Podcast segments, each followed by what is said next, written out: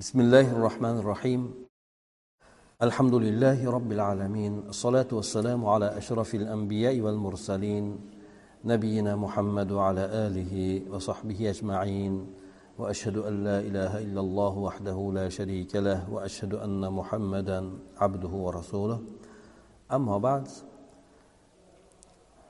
imom tahoviy rahimaullohni aqida kitoblaridan bo'layotgan darsimizda oxirgi bo'limga kelib qolgandik bu yerda u kishi bir yuz birinchi matnda aytib o'tadilar ya'ni bu kitobdagi raqam bo'yicha bir yuz birinchi matnda ولا نفضل أحدا من الأولياء على أحد من الأنبياء عليهم الصلاة والسلام ونقول نبي واحد أفضل من جميع الأولياء biz avliyolardan birontasini avliyo haqida aytib o'tgandik avliyo bu alloh taoloni do'stlaridir kim bo'ladi ular ular ألا إن أولياء الله لا خوف عليهم ولا هم يحزنون الذين آمنوا وكانوا يتقون deb alloh taolo qur'oni karimda aytadi alloh taolo xabar berishicha demak alloh taoloni do'stlaridan hech qanaqangi xavfu xatar bo'lmaydi La xofun alayhim. Demak ularga kelajakdagi bo'lgan narsalardan agar alloh taoloni haqiqatdan inson do'sti bo'ladigan bo'lsa u insonda hech qanaqangi xavf xatar degan narsa bo'lmaydi. Oxiratda ham qabrda ham alloh taolo do'stini albatta xor qilib qo'ymaydi. O'ziga yarasha demak ne'mat mukofotlar bilan alloh taolo mukofotlaydi. Valahum yahzanun. Demak dunyoda tashlab ketadigan narsalarga achinmaydi chunki alloh taolo keyincha kelajagida uni qabrida oxiratda beradigan narsasi esa albatta bu dunyoda tark etib ketadigan narsasidan ko'ra yaxshiroq bo'ladi. Shuning uchun aytiladiki bir o'tgan odam haqida parvardigor olam uni ahlidan unga deydi bu dunyodagi ahlidan ko'ra yaxshiroq ahlni bergin. U odamga bu dunyodagi hovlisidan ko'ra yaxshiroq bo'lgan hovlisini bergin deb turib o'lgan odamni haqqiga duo qilinadi. Bular kimlar alloh taoloni do'stlari? Alladina amanu va kanu yattaqun.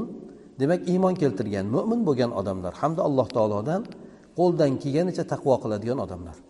Qaysi bir kimsani iymondagi bo'lgan nasibasi hamda alloh taolodan taqvo qilishlikdagi bo'lgan nasibasi yuksak bo'ladigan bo'lsa alloh taologa uni do'st bo'lishligi yaqinroq bo'ladi yuksakroq bo'ladi.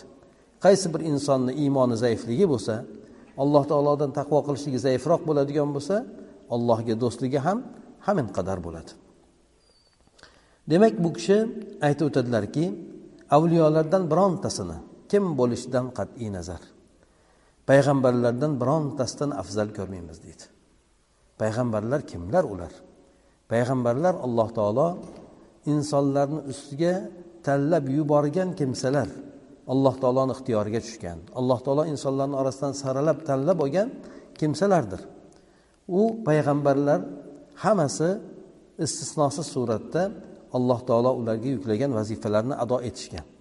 Juda ham go'zal suratda ado etishgan alloh taoloni eng sara bo'lgan bandalari sanaladi. Shunday ekan ular yana undan tashqari payg'ambar bo'lgandan keyin ular xatodan xoli bo'ladi ma'sum odamlar bo'ladi. Alloh taolo ularni darajalarini juda yuqori qo'ygan. Shunday bo'lar ekan demak har qanaqangi avliyodan ko'ra bir eng quyi darajadagi bo'lgan payg'ambar juda ham afzal bo'ladi. Mana payg'ambarlarni haqida aytib o'tdik. Tilka rusul ala ba'd. Ya'ni elchilarni payg'ambarlarni birlarini birlaridan afzal qilib qo'ydik deb alloh taolo aytib o'tadi. Muhammad sallallohu alayhi vasallam eng afzal payg'ambar. Yana ulul azm payg'ambarlar bor. Bular beshta aytib o'tdik ularni nuh alayhissalom ibrohim alayhissalom muso iso alayhissalom muhammad sallallohu alayhi vasallam bular boshqa payg'ambarlardan ko'ra qilgan xizmatlarini evaziga afzal qilingan. Ulardan demak bir biridan darajasi bo'lgandan keyin quyiroqda bo'lgan payg'ambar ham eng katta bo'lgan eng yuqori bo'lgan darajadagi avliyodan afzal bo'ladi. Shuning uchun payg'ambar sallallohu alayhi vasallam aytgan shu mazmunda aytgan gaplari bor. Ya'ni bittalaringiz yunus ibn mattadan ko'ra afzalroqman deb o'ylamasin degan mazmunda. Yunus alayhissalom bu kishi alloh taolo qavmini da'vat qilishlikka buyuradi. Da'vat qiladi da'vat qiladi. Ijobat qilavermagandan keyin oxiri senlardan chiqmaydi ekan deb turib u kishi chiqib ketadi tashlab chiqib ketadi qavmini.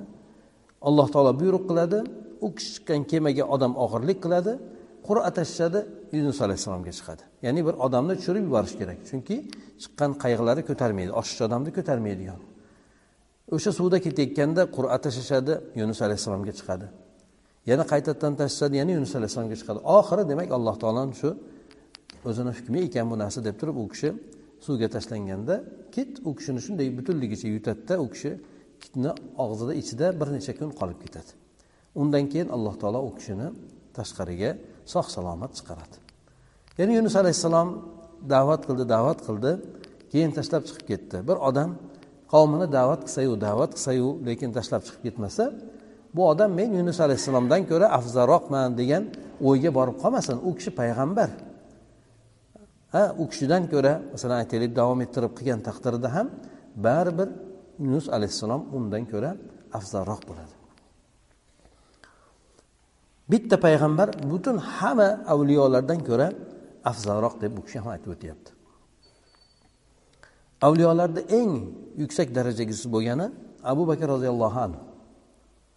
Abu bakr roziyallohu anhu demak bu ummatda payg'ambar sallallohu alayhi vasallamdan keyingi eng afzal odam hisoblanadi. Bu kishi demak avliyolarni eng yuqori darajasi bo'lgan odam endi. Lekin bu kishi ming bo'lganda ham payg'ambar emas. Payg'ambarlar albatta avliyolardan afzol bo'ladi. Sababi demak ularni alloh taolo saralab tanlab bandalarni ustiga yuborgan ular xatodan xoli bo'lgan alloh taolo tomonidan vahiy kelib turgan ulardagi bo'lgan iymon amal darajasi ham oddiy bir avliyo yoki yetishgan avliyodan ko'ra ular yuqori bo'lgan. Bu narsani bu kishini keltirganligini sababi ba'zi o'sha sofiylik tabaqalarini yoki tariqatlarini ba'zilaridan shunday gaplar chiqqanki demak avliyo payg'ambardan ham buyuk bo'lishligi mumkin degan. Bunga ular misol tariqasida yoki hujjat dalil tariqasida hizr alayhissalom bilan muso alayhissalomni o'rtasidagi bo'lib o'tgan voqeani keltirishadi. Ma'lumki muso alayhissalomdan so'ralgan paytida ha demak eng bilimdon bo'lgan kimsa kim deganda u kishi men deb aytadilar. Haqiqatdan u kishi vahiy kelganligi uchun eng o'sha davrdagi bilimdon odam bo'ladi. Lekin lekin alloh taolo u kishini imtihon qilishni xohlaydi. Falon joyga boring o'sha yerda bir banda bor siz bilmagan narsani biladi dedi. Muso alayhissalom demak bir shogirdi bilan birgalikda yo'lga chiqadi. To muso alayhissalom demak shogirdi bilan birgalikda yo'lga chiqadida borib o'sha yerda alloh taolo aytgan joyda hizr alayhissalomni uchratadi. U kishi bilan birga kelishadi. Kelishgan paytlarida demak meni nima qilganimni ko'rsangiz ham indamaysiz deydi. Muso alayhissalom chidamasdan bir keman teshib qo'yadi hizr alayhissalom. Muso alayhissalom gapirib yuboradi qanday inson tashqi tomondan ko'tarolmaydi bu narsani. Tuppa tuzuk kambag'allarni kemasi bo'ladi uni teshib qo'yadi. Keyin lekin shunga kelishganmizu deb isro alayhissalom demak muso alayhissalomni indamaslikka buyurib ketadi. Yana hizr alayhissalom bir bolani oldiga kelishgan paytda yosh bolani o'ldiradi. Muso alayhissalom bunga ham chidolmaydi. Yana e'tiroz bildirgan paytda biz aytgandimu sizga deydi. Menga ergashadigan bo'lsangiz indamaysiz deb keyin bir qishloqqa borishadi. Qishloqqa borgan paytda ularni o'shalar mehmon qilishmaydi ya'ni och qolishadi. Shunda bir hizr alayhissalom bir qulab nurab ketayotgan devorni ko'rib turib tikalab qo'yadi. Hizr muso alayhissalom esa o'shanga haq olaylik bo'lmasa hech bo'lmasa haq olib qornimizni to'ydiramiz deganda demak men siz qilayotgan ishimni sababi haqida so'ramaysiz deb kelishgandikku deb keyin muso hizr alayhissalom shu yerda u yerda to'xtatadi. To'xtatgandan keyin birma bir kemani nima uchun teshganligini chunki bir zolim bo'lgan podsho urushga kemalarni tortib olayotgan bo'ladi. Kambag'allarni undan boshqa kemasi bo'lmaydi. Teshib qo'yishini sababi salomat qoladi. Podsho ularni kemasi teshilganini ko'rib turib olmasdan ketadi. Butun bo'lganda olib ketgan bo'lardi. Ular kemasiz qolgan bo'lardi. U bolani o'ldirganligini sababi yoshligida u bolani o'ldiradida katta bo'lganda bu bola katta bo'lib ota onasini qiynab qo'yadi. Din borasida juda yam qattiq qiyinchilikka solib qo'yadi. Shuning uchun demak alloh taolo ularga u farzandni o'rniga boshqa bir farzand almashtirib berishligini aytib turib demak o'ldirganligi sababini keltirib o'tadi. Uchinchi haligi qishloqdagi devorni tikalab qo'yishlik sababi borasida esa aytadiki demak u yerda bir ikkita bola yetim bolani otasi yoki o'sha bobosi o'tgan ularga xazina qoldirib ketgan. O'sha xazina esa devorni tagida edi. Bolalar esa hali yosh edi. Bolalar balog'atga yetgan paytida o'sha devorni tagidagi bo'lgan xazinani chiqarib olishadi. Deb turib sababini shunday deb keltiradi. O'sha paytda bolalar chiqaradigan chiqarib oladigan bo'lsa u bolalar yosh bo'ladi u bolalarga ehtimol u haqlari zoyi bo'lib ketishi mumkin boshqa odamlar tomonidan. Demak sabablarni shunday qilib keltirib aytadiki va faaltuhu an amri. Ya'ni bu narsani men o'zimdan qilganim yo'q.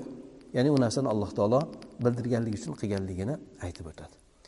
Shunda demak biz aytamizki alloh taolo bildirgan kimsa bu payg'ambar bo'ladi. Chunki alloh taolo vahiy orqali bildiradi. Bo'lib ham kelajak haqidagi bo'lgan ma'lumot. U bolani o'ldiradi kelajakdagi bo'lgan ma'lumotga asoslangan holatda. U bola yosh katta bo'lgan paytida ota onasini qiynab qo'yishligini bilishlik uchun alloh taolodan bir g'oyibni bildiradigan ma'lumotga ega bo'lish kerak. Aks holda oddiy bir odam ming avliyo bo'lgan taqdirda ham g'oyibni bilmaydi. Ha yana o'sha bolani bolalarni qissasida ham xuddi shuningdek hizr alayhissalom demak alloh taolo tomonidan bu narsani bildirilganligini o'zim tomonimdan qilmadim bu narsani deb aytib o'tadi. Sofiy tariqatidagilar ancha munchasi demak hizr alayhissalomda avliyo bo'lgan deydi. Avliyo bo'lgan muso alayhissalom u kishiga ergashgan. Muso alayhissalom gaplarini olgan bilmagan narsalarni bilgan deydi. Ana o'shandan avliyo payg'ambardan yuksak bo'lishligi yoki darajasi ulug' bo'lishligi mumkin bor bo'lgan narsa deb aytishadi. Yo'q bu yerda hizr alayhissalom valiy emas balki u kishi payg'ambar bo'lgan.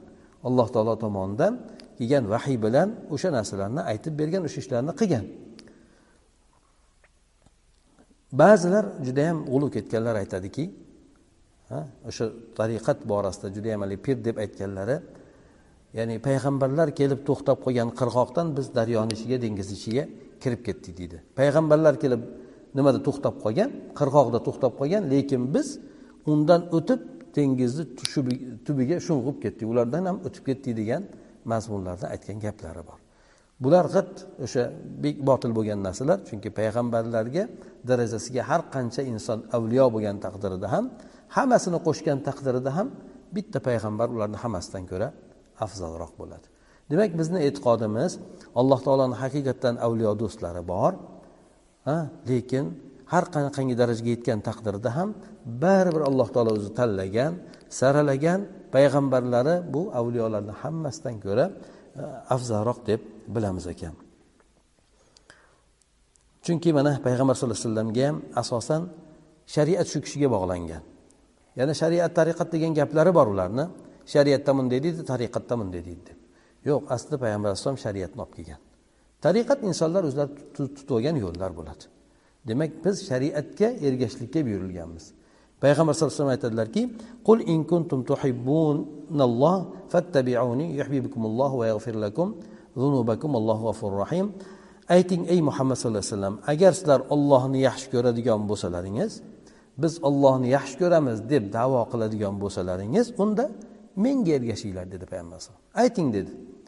Demak kim alloh taoloni yaxshi ko'rishini davo qilsa payg'ambar sallallohu alayhi vasallamga ergashsin. U kishiga ergashsa qanchalik ergashganligiga qarab turib alloh taolo uni shunchalik yaxshi ko'radi. Demak ollohni muhabbati payg'ambar sallallohu alayhi vasallamga inson qanchalik ergashganligiga bog'liq bo'ladi. Xato kamchiliklari bo'ladigan bo'lsa albatta ergashgan paytda inson farishta emas. Xato kamchiliklarga yo'l qo'yadi. Aytib o'tdiki alloh taolo sizlarni gunohlaringizni kechiradi. Xato kamchiliklaringiz bo'lsa o'tadi alloh taolo. Alloh taolo shuningdek kechirimlik hamda rahmdil mehribon zot deb turib oyatni xotimalayapti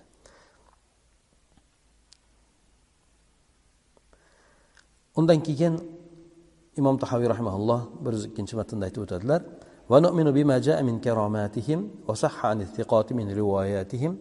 Ya'ni avliyolarni ko'rsatadigan ko'rsatgan karomatlariga iymon keltiramiz.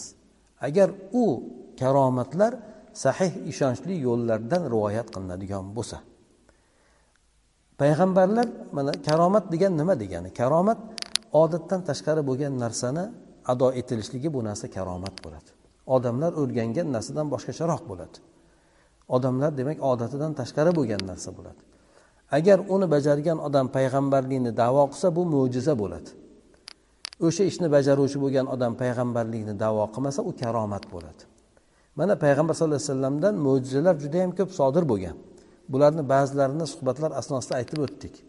Bir ovqatni judayam ko'paytirib berishligi yoki sutni o'sha qo'yni yelindagi bo'lgan sutni soqqandan keyin ham o'sha bu hamma qonib ichadida lekin o'shanday bo'yicha qolishligi undan tashqari yana oyni ikkiga bo'lib berishligi ko'plab ko'plab demak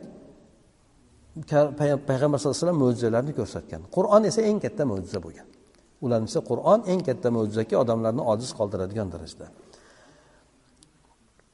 karomatlarchi karomatlar payg'ambarlardan boshqalarni qo'lida sodir bo'ladigan odatdan tashqari bo'lgan narsalar mana qur'oni karimda olimron surasida alloh taolo aytib o'tadiki فلما دخل عليها زكريا المحراب وجد عندها رزقا قال يا مريم أن لك هذا قالت هو من عند الله إن الله يرزق من يشاء بغير حساب zakariya alayhissalom maryam onamizni oldilariga kiradi.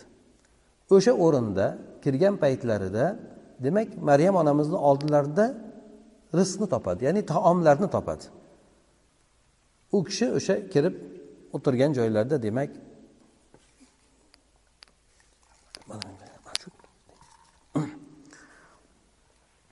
demak o'sha yerda aytadiki o'sha rizqni ko'rgan paytda qayerdan keldi bu rizq deb hayron bo'lib so'raganda ya'ni ba'zi mufassillarni nimasida aytadi ya'ni yozda qishni narsasi ya'ni o'sha turgan paytda boshqa faslni narsasi oldida turgan bo'ladi deydi. Ajib bir bo'lgan holat nima bo'lganda ham oldida bo'lmas kerak bo'lgan narsa u kishini oldida o'sha rizq topiladi. So'ragan paytlarida buni alloh taolo berdi bu narsani deydi. Alloh taolo demak xohlagan kimsasini shunday behisob rizqini beradi deb aytib o'tadi. Demak u kishini oldida o'sha taomni paydo bo'lishligi alloh taolo u kishiga ko'rsatgan karomatdir. Karomatlar ko'p. Karomatlar ko'plab o'tmishda ham hozirda ham sodir bo'lishi mumkin. Shaxslarga nisbatan albatta karomat ko'rsatadigan odam hammaga tanilgan mashhur bo'lgan avliyo bo'lishligi shart emas. Odam bu narsani ba'zan o'zini hayotida ham ko'rishligi mumkin. Alloh taolo ba'zi narsalarni insonni esiga solib qo'yadi. Ba'zi narsalarni inson alloh taolo inson kutmagan narsalarni alloh taolo uni qo'lida ijro etib beradi. Ba'zi o'rinlarda masalan sahobalar qisqa masofani e, uzoq masofani qisqa kunda davom bosib o'tadi. Ya'ni inson tasavvur qilib bo'lmaydigan darajada o'sha paytda qisqa paytda bosib o'tadi. Ba'zan shunga o'xshagan narsalarni alloh taolo bir mo'min odamga ham qilib qo'yadi. Uzoq masofani inson bir pasda bosib o'tishligi uzoq o'qiladigan narsani bir pasda o'qib qo'yishligi uzoq masalan yodlanadigan narsani birpasda yodlab qo'yishligi odatda odam uzoq vaqtini sarflaydi shu narsalarga. Bu narsalar ham alloh taoloni o'sha bandaga bergan karomatlardan bo'ladi. Demak karomatlarga biz umumiy suratda inkor etmaymiz. Karomatlar albatta bor lekin karomatlarni ichiga judayam ko'plab narsa qo'shilib ketgan. Tasdiqlab bo'lmaydigan darajada demak judayam ko'plab odamlar gaplarni qo'shib yuborishgan. Misol tariqasida palonchi shu sofiy palonchi o'sha nimasi piri eshikni ochib shunday kirib naryoqdan chiqsa kabadan chiqibdi deydi. Tavof turib yana eshikdan shunday qilib kirganda yana shahriga kirib qolgan. Ha shunaqa gaplarni ham ular o'zlarining kitoblarida keltiradi. Tazkirat avliyo degan kitob bor boshqa boshqa ko'plab kitoblar borki ba'zilari to'g'ri haqiqatdan bo'lgan sodir bo'lgan karomatlar lekin ancha munchasi tagi yo'q yoki rivoyati sahiy emas bo'lgan karomatlar. Shuning uchun karomatlarni birov aytayotgan paytda tasdiq etishga shoshilmaslik kerak. Shuningdek rad etishlikka ham shoshilmaslik kerak. U haqiqatdan ishonchli bo'lgan manbalar orqali kelyaptimi? Undan keyin o'sha karomatni sodir etgan odam bid'atchi emas sofiylikka mukkasidan ketgan odam emas balki haqiqatdan alloh taologa iymon keltirib taqvo qilgan zohid bo'lgan allohga ibodatlarni yaxshi ado etadigan odam bo'lsa u narsa sodir bo'lishligi mumkin bo'lgan narsa. Lekin inson o'zi bir ko'z bo'yamachidek bo'ladigan bo'lsa amallari ya'ni fosiqlikka asoslangan bo'lsa odamlarni mollarini nohaqdan yeyishlikka asoslangan bo'lsa bunday odamlar ko'rsatadigan karomat aslida alloh taolo beriladigan karomat emas balki shaytonni ko'rsatadigan ularga har xil nayranglari bo'ladi. Ba'zan bo'ladi. Shuning uchun inson osmonda uchib yuradigan bo'lsa unga nimanglar og'zinglar ochilib lan qolmanglar chunki uni amaliga qaranglar deydi. Amali agar yaxshi bo'lmaydigan bo'lsa u u shayton qilib beryapti u narsalarni unga. Shuning uchun inson ajratib olish kerak. Har qanaqangi aytiladigan karomatlar bo'ladigan bo'lsa u narsalarni inson tasdiqlab ketavermaslik kerak. Albatta alloh taoloni do'stlari bor shuningdek shaytonni ham do'stlari bordir. Alloh taoloni do'stlarini aytib o'tdik dedik. Taqvodor bo'lgan alloh taologa ibodatlarni chiroyli ado etadigan zohid sifat bo'lgan odamlarda bu narsa ko'proq sodir bo'ladi. Shaytonni do'stlarichi shaytonni do'stlarini ham alloh taolo qur'oni karimda aytib o'tadi. Faqotilu avliya shayton shaytonni do'stlariga qarshi jang qilinglar deb aytadi. Ular kimlar? Shaytonga ergashgan odamlar bo'ladi. O allohga osiylik qilgan hamda shaytonga mukkasidan ketib ergashgan shaytonni etagini tutgan odamlar ular shaytonni do'stlari bo'ladi. Asosan kofir munofiq shunga o'xshagan odamlar bo'ladi.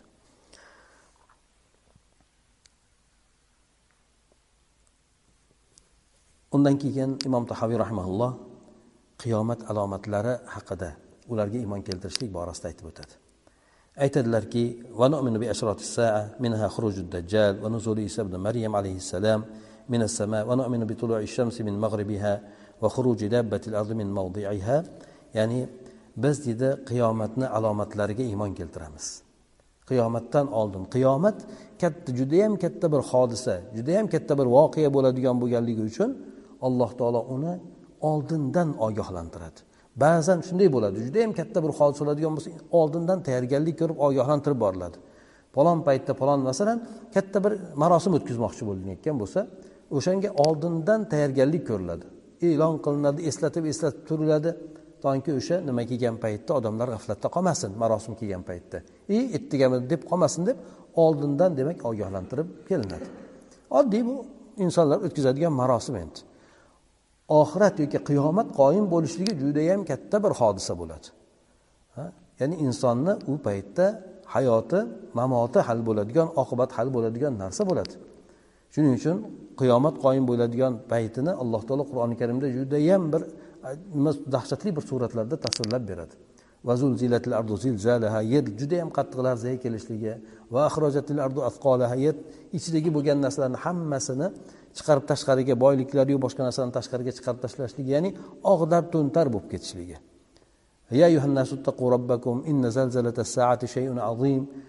Ey insonlar robbinglardan qo'rqinglar. Albatta qiyomat soatini qoyim bo'lishligi qiyomatni qoyim bo'lishligi judayam bir buyuk hodisa deydi. Sizlar uni ko'rgan paytinglarda bolasini emizib turgan ayol bolasidan nima qoladi? E'tiborsiz g'aflatda qoladi. Tashlab yuboradi. Homiladorlar bolasi tushib ketib qoladi. Odamlarni odamlarni mast alas holatda ko'rasiz.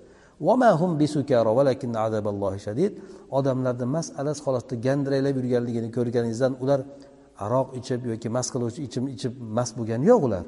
Ular dahshatni qattiqligidan gandiraylab qolgan ya'ni garang bo'lib qolgan nima qilishni bilmay qolgan juda yam qattiq hodisa sodir bo'layotganligidan deb alloh taolo demak haj surasini boshida aytib o'tadi. Ana o'shanday qiyomat judayam katta voqea bo'lganligi uchun oldindan alloh taolo uni alomatlarini ko'plab bildirib qo'ydi. Payg'ambar sollallohu alayhi vasallam qiyomatda ya'ni oxirgi zamon payg'ambari bu kishini payg'ambar bo'lib kelishligi qiyomatga yaqin qolganligini alomati bo'lgan. Ana undan keyin qiyomat alomatlari haqida payg'ambar sallallohu alayhi vasallam kichik katta bo'lgan alomatlar haqida gapirib o'tadi. Qancha qancha hadislarda aytib o'tiladi. Qiyomat oxirgi zamonda bunday narsalar bo'ladi degan mazmunda. Katta ya'ni qiyomatdan oldin bo'ladigan alomatlari to'g'risida imom tahoviy rahimalloh aytib o'tadilar. Bulardan birisi dajjolni chiqishligi deydi.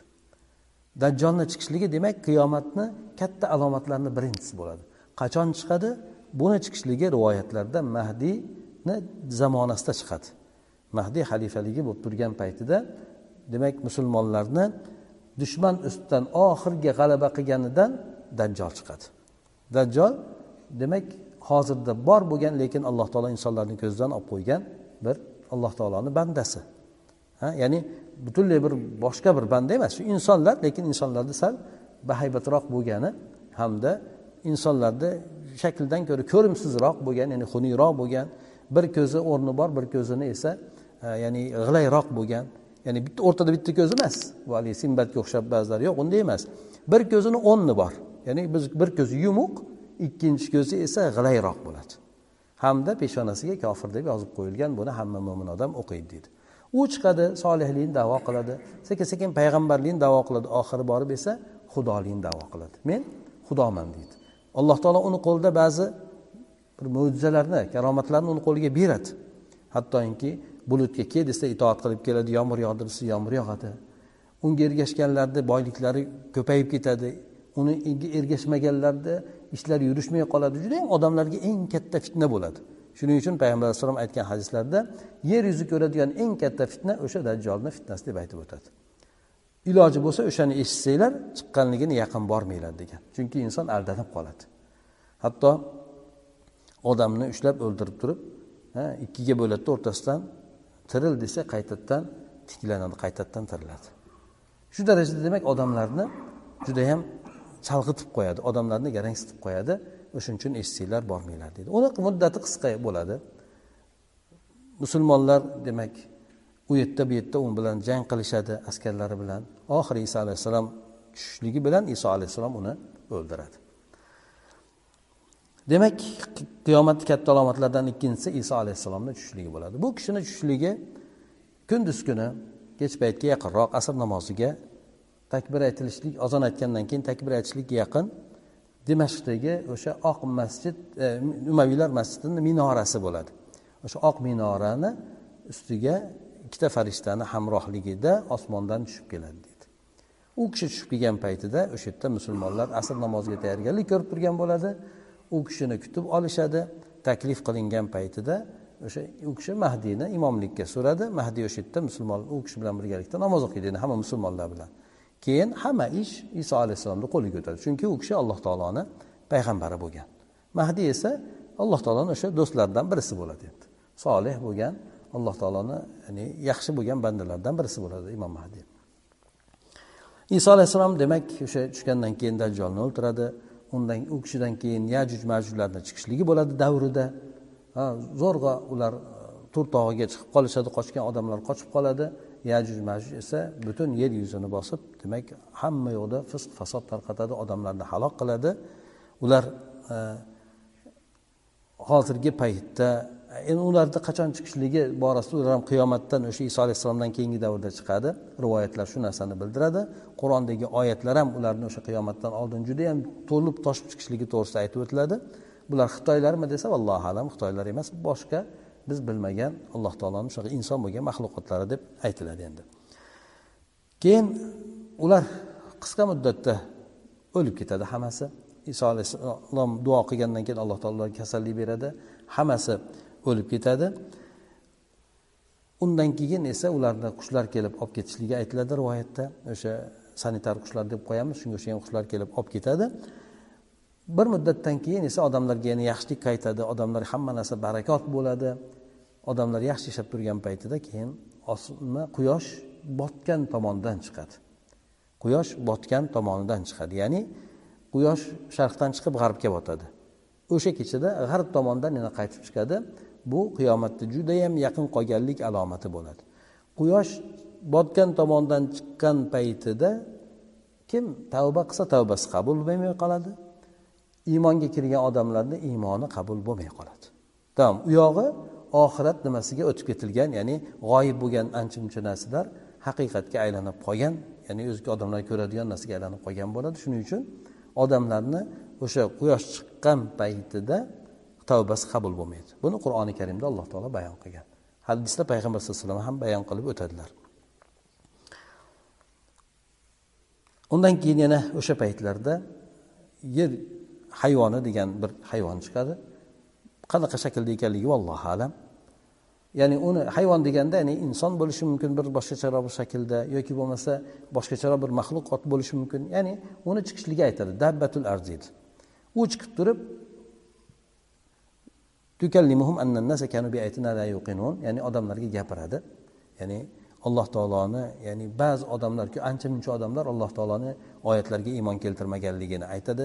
O'shanda musulmon odamga musulmonlik tamg'asini qo'yadi kofir bo'lgan odamga kofirlik tamg'asini qo'yadi. Ya'ni tamg'asini qo'yadi ajralib qoladi. Musulmon odam ko'rinishi bilan ajralib qoladi namozxon bo'lgan musulmon bo'lmagan esa o'sha ko'rinishi bilan ajralib bilinib qoladi. Undan keyin musulmon kofir bo'lmaydi kofir musulmon bo'lmaydi. Kim yaxshilikda ziyoda qilsa ziyoda bo'laveradi lekin tavba qilsa tavbasi qabul bo'lmaydi. Shunday holatda demak o'sha oxir qiyomatdan oldin shunday holat yuzaga keladi. Undan tashqari yana boshqa alomatlarni ham aytib o'tiladi. Hadisda o'nta alomatni aytib o'tiladi. Bulardan yer yuzida uch marta juda yam qattiq zilzila bo'lishligi aytib o'tiladi. Uchta joyda bu e, madinani mashriq tarafida mag'rib tarafida hamda arabiston yarim orolida juda yam qattiq yer nimasi? Yutishligi yoki bo'lmasa yerdagi juda yam qattiq zilzila sodir bo'lishligi bor.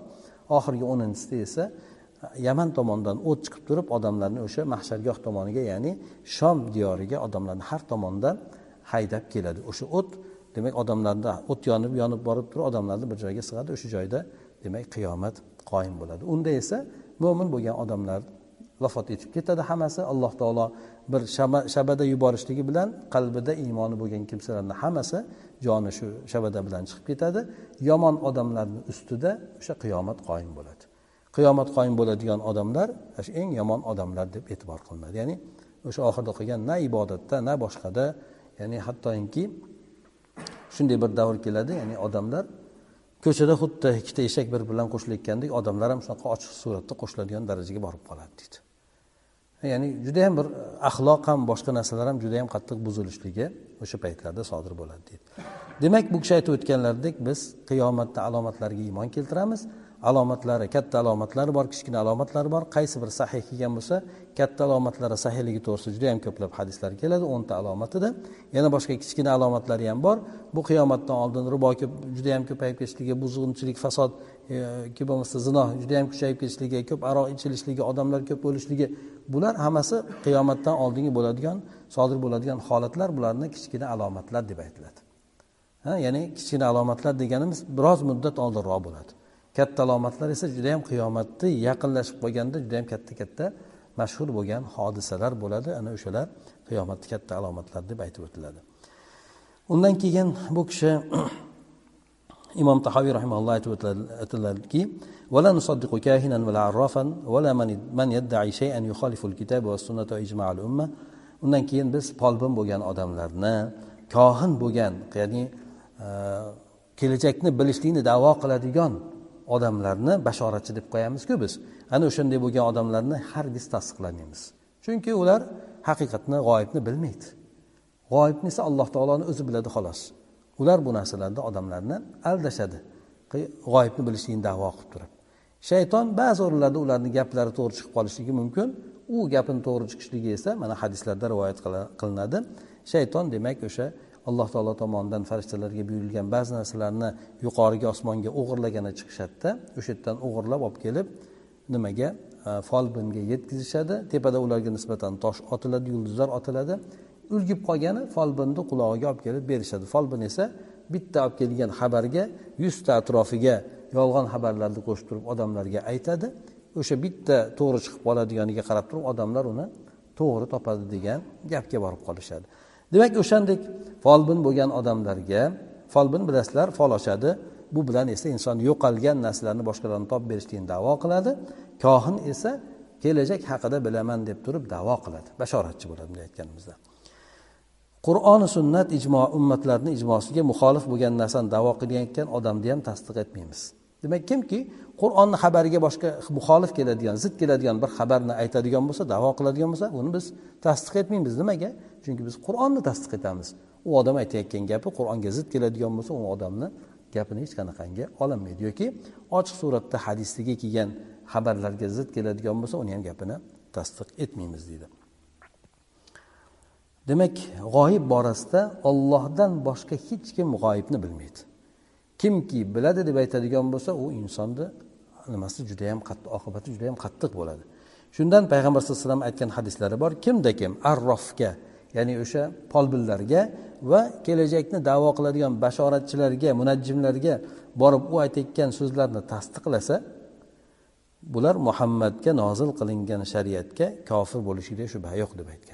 Ya'ni muhammad sallallohu alayhi vasallamga ular kofir bo'libdi degan olib kelgan shariatiga. Sababi olib kelgan olib kelgan shariatida nima bor? Olib kelgan shariatida g'oyibni faqat alloh taoloni o'zi biladi. Demak boshqa g'oyibni davo qilgan insonlar bu o'sha alloh taolo bilgan ilmni bilaman deb davo qilgan. Shu tomondan u odamlar kofir bo'ladi. Agar tasdiqlasa haqiqatdan. Qancha qancha folbinlar o'tiradi fol ochib qo'yaman deydi kelajakda unday bo'lar ekan bunday bo'lar ekan bunday voqealar bo'lar ekan sizga deydi. O'zlarini ko'rsanglar bir xor xaroba holatda o'tiradi. Agar kelajakni biladigan bo'lsa inson ko'p narsadan foyda qilishi mumkin. Ozgina bitta lotereya sotib olib turib bitta narsa sotib olib turib undan juda katta boylikka erishishi mumkin. Agar inson kelajakni biladigan bo'lsa demak yo'q ular hech qanaqangi kelajakni bilmaydi balki odamlarni laqillatib turib pulini olishlikni odamlarni o'sha shayton bilan shaytonni qiziqtirish bilan odamlarni demak zalolatga olib ketishlikka harakat qiladigan odamlardir. Bir yuz beshinchi bo'lgan matnda aytib o'tadilar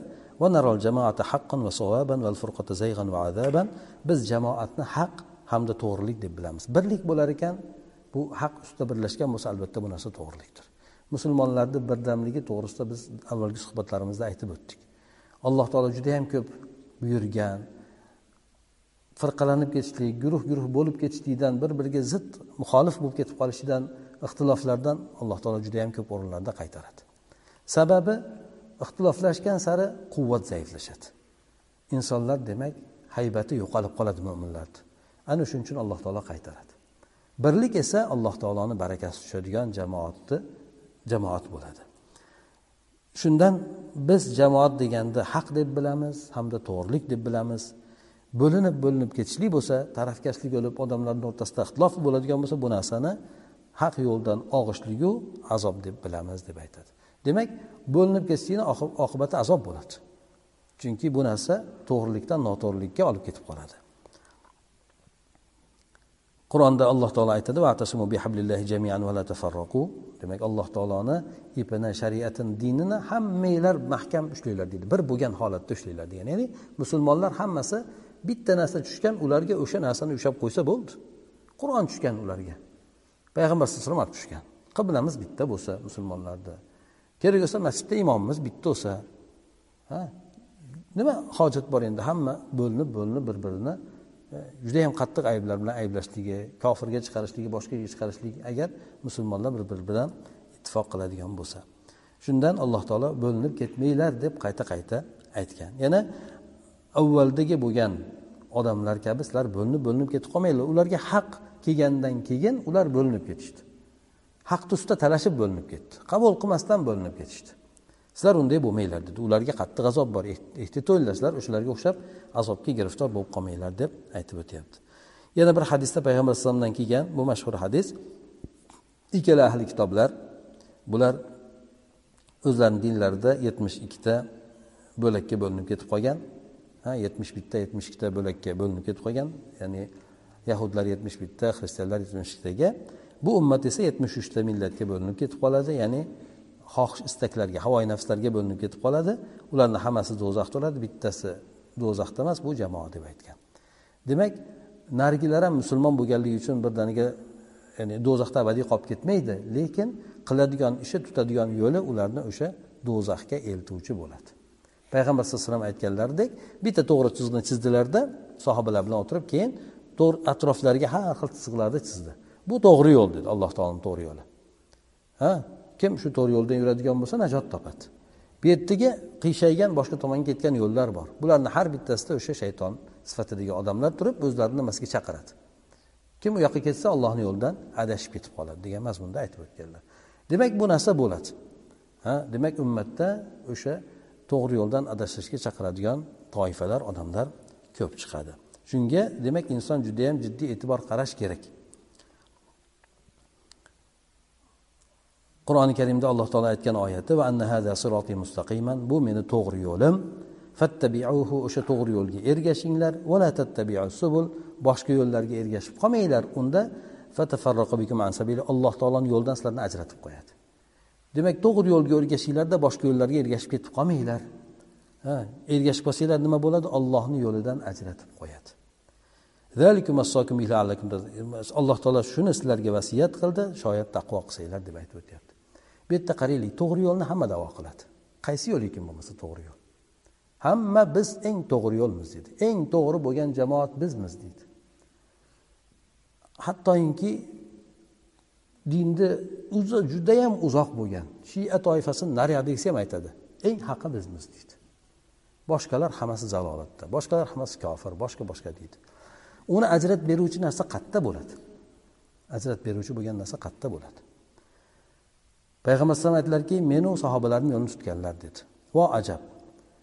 Payg'ambar sallallohu alayhi vasallam davrlarida bitta din keldi o'sha haq yo'lda bo'ldi undan keyin uzilib qolib hozirgi yigirmanchi yigirma birinchi asr kelgan paytda yana yilt etib chiqib qoldimi?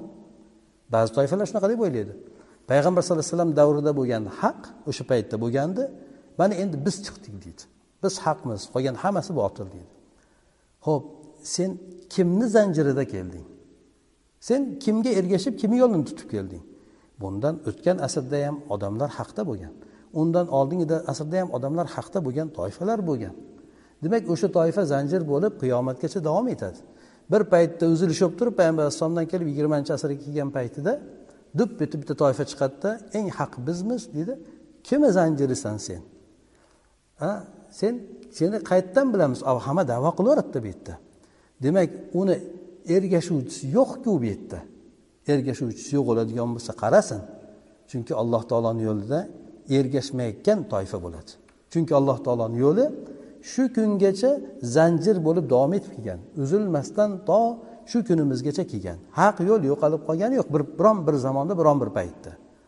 Demak hozirgi paytda kelib bizda haqmiz boshqalar hammasi botil deydigan bo'lsa uni ergashuvchi bo'lgan boshqa undan oldingi aytaylik o'sha uni yo'lini tutuvchi bo'lgan jamoasi bo'lmaydigan bo'lsa bilinglarki u quruq davo bo'ladi u narsa botil bo'ladi.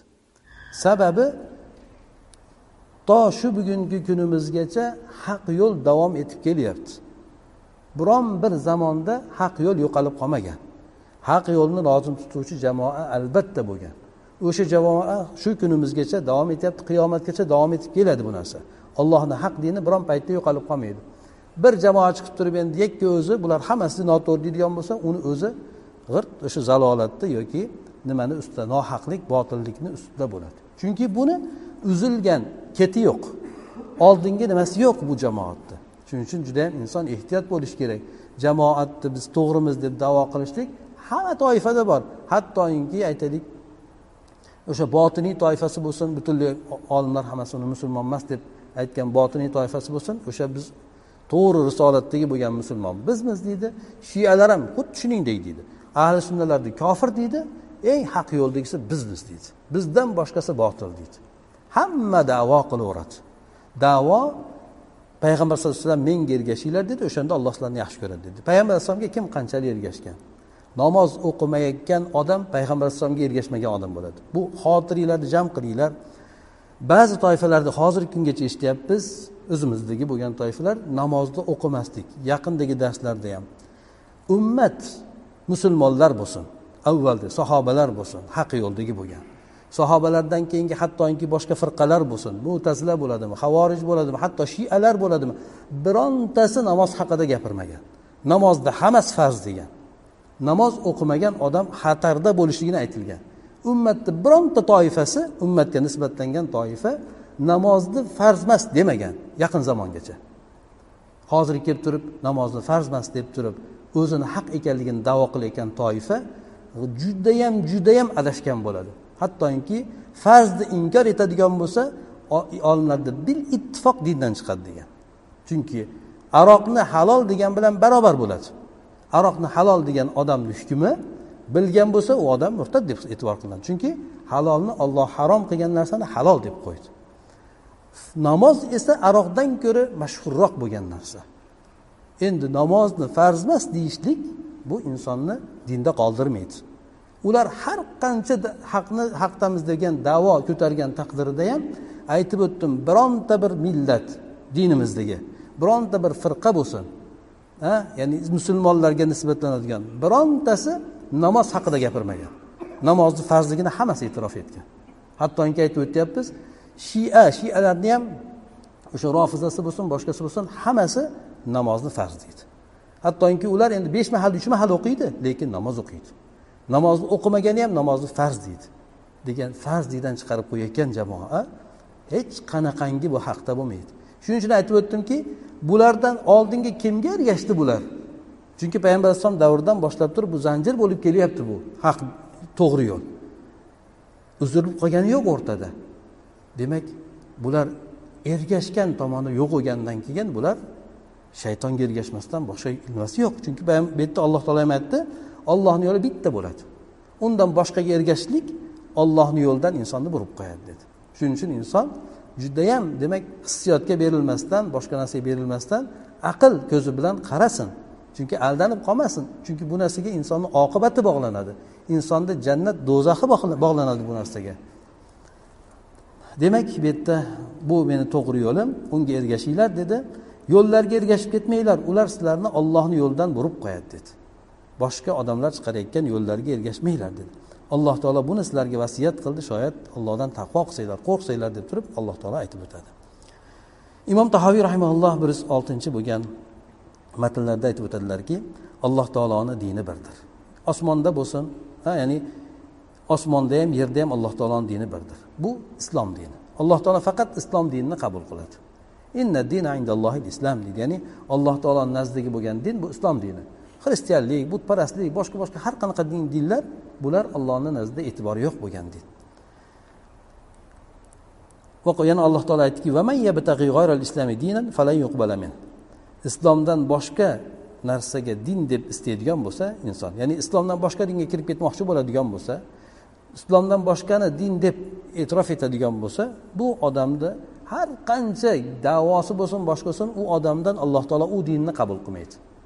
Faqatgina alloh taolo musulmonlikni qabul qiladi. Musulmonlikdan boshqa har qanaqangi dinni alloh taolo qabul qilmaydi. Bu xristianlik bo'lsin yahudlik bo'lsin butparast bo'lsin boshqa boshqa bo'lsin qaysi bo'lishidan qat'iy nazar. alloh taolo yana oyatda aytdiki alloh taolo muhammad sallallohu alayhi vasallam olib kelgan islomni sizlarga din deb rozi bo'ldim dedi demak boshqasiga alloh taolo rozi bo'lmagan وهو بين الغلو والتقصير وبين التشبيه والتعطيل وبين الجبر والقدر وبين الأمن والإياس demak alloh taoloni o'sha to'g'ri dinni tutishlik bu narsa bir tomondan g'uluv ketishlik ikkinchi tomondan esa judayam loqayd bo'lishlikni o'rtasida bo'ladi ya'ni o'rta yo'l bo'ladi g'uluv ketishlik qaysi tomondan G'uluv ketishlik mana ba'zi o'rinlarda ham aytib o'tdik. Sahobalar borasida bir toifalar chiqdi.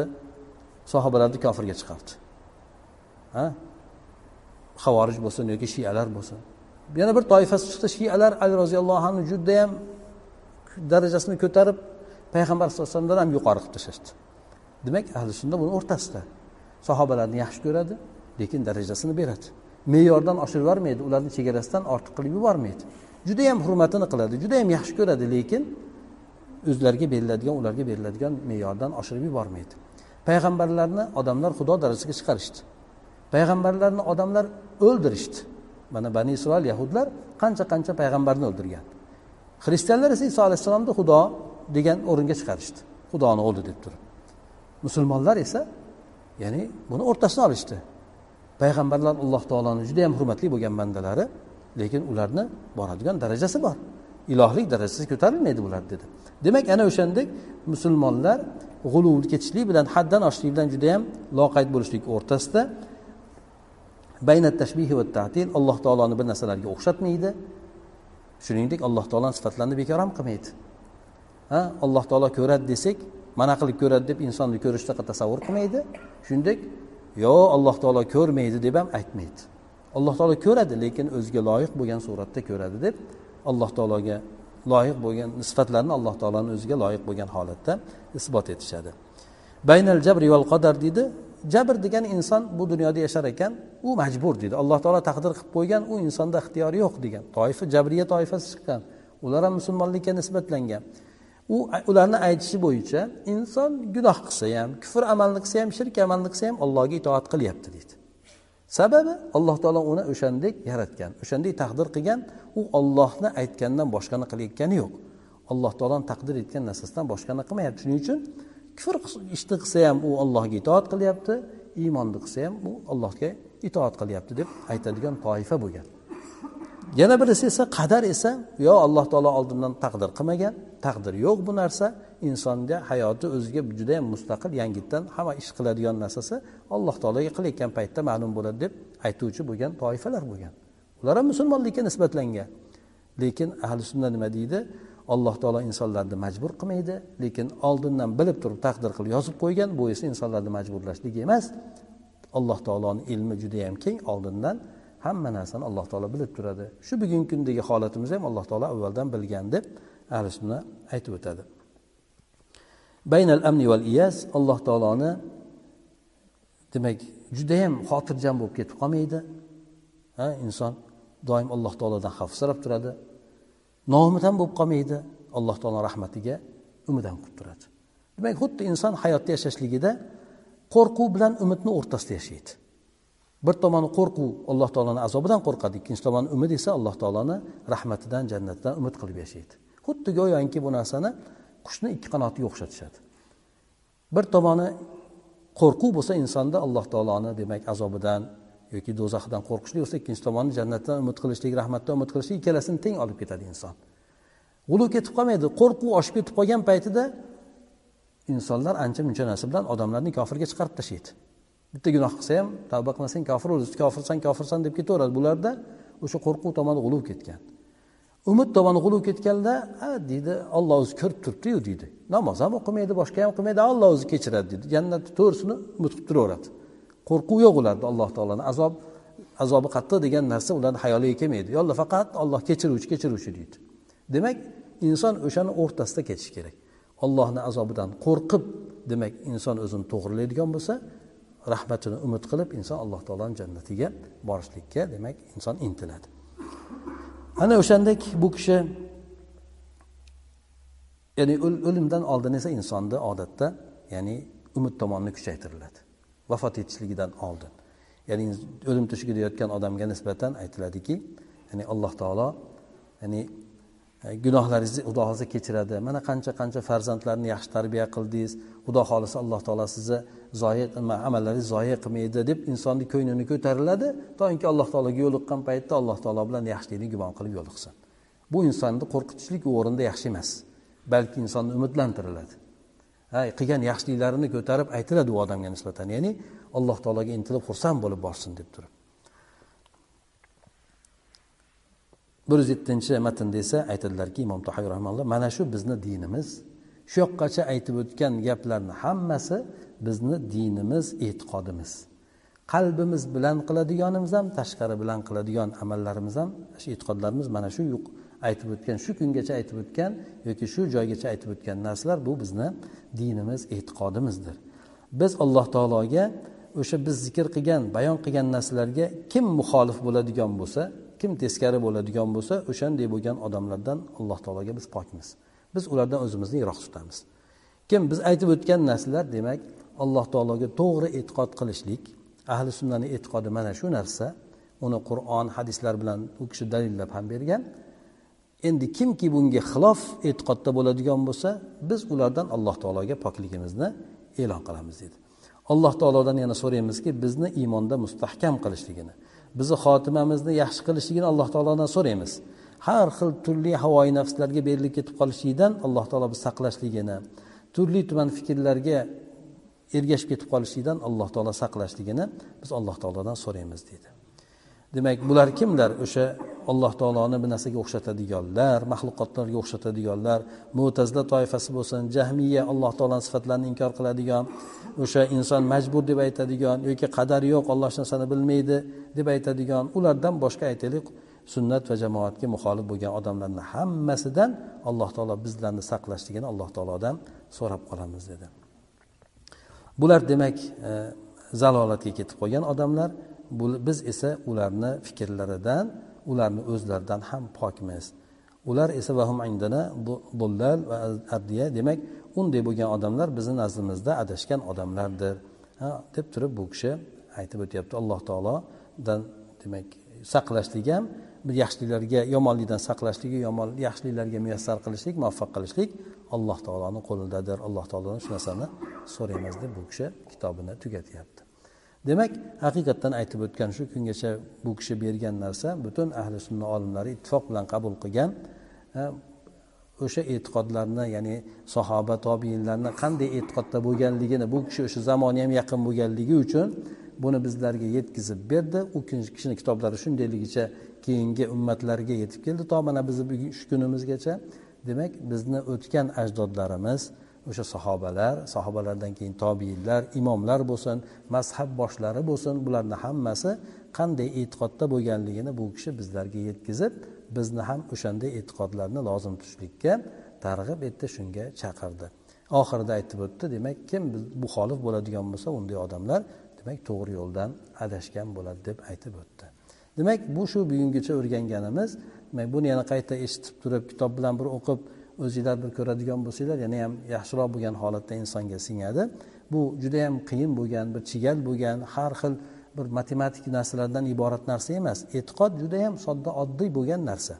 Shunday qilib bayon qilib bergan ba'zi o'rinlarda inson biroz sharhga muhtoj bo'ladigan bo'lsa ba'zi toifalarga raddiya bergan suratda aytib o'tganligida uni eshitib yoki bo'lmasa keyinroq bir so'rab oladigan bo'lsa inson judayam bir qiyin emas judayam oson bo'lgan narsadir e'tiqodimiz lekin u narsani inson albatta to'g'ri qilib olish kerak o'sha e'tiqodiga ko'ra inson hayotda kechiradi e, hayot kechiradi qiladigan amallari ham shu e'tiqodga bog'lanadi inson oxiratga borishligi ham mana shu e'tiqodi asosida hisob kitob qilinadi سبحانك اللهم وبحمدك نشهد أن لا إله إلا أنت نستغفرك ونتوب إليك اللهم انفعنا بما علمتنا وعلمنا ما ينفعنا وزدنا علما alloh taolo demak imom tahoviyni ham gunohlarini mag'firat qilsin o'zini rahmatiga olsin U kishini yaxshi qilib o'tgan islomga bo'lgan xizmatlarini alloh taolo dargohida qabul qilsin o'zi munosib suratda mukofotlasin. U kishini ustozlarini ham shogirdlarini ham shu kungacha bu kitoblarni bizga ilmi bilan yetib kelishlikka e, sababchi bo'lgan hamma o'tgan olimlarimizni ham alloh taolo gunohlarini mag'firat qilsin o'zini rahmatiga olsin qabrlarini munavvar qilsin. Assalomu alaykum va rahmatullohi va barakatuh.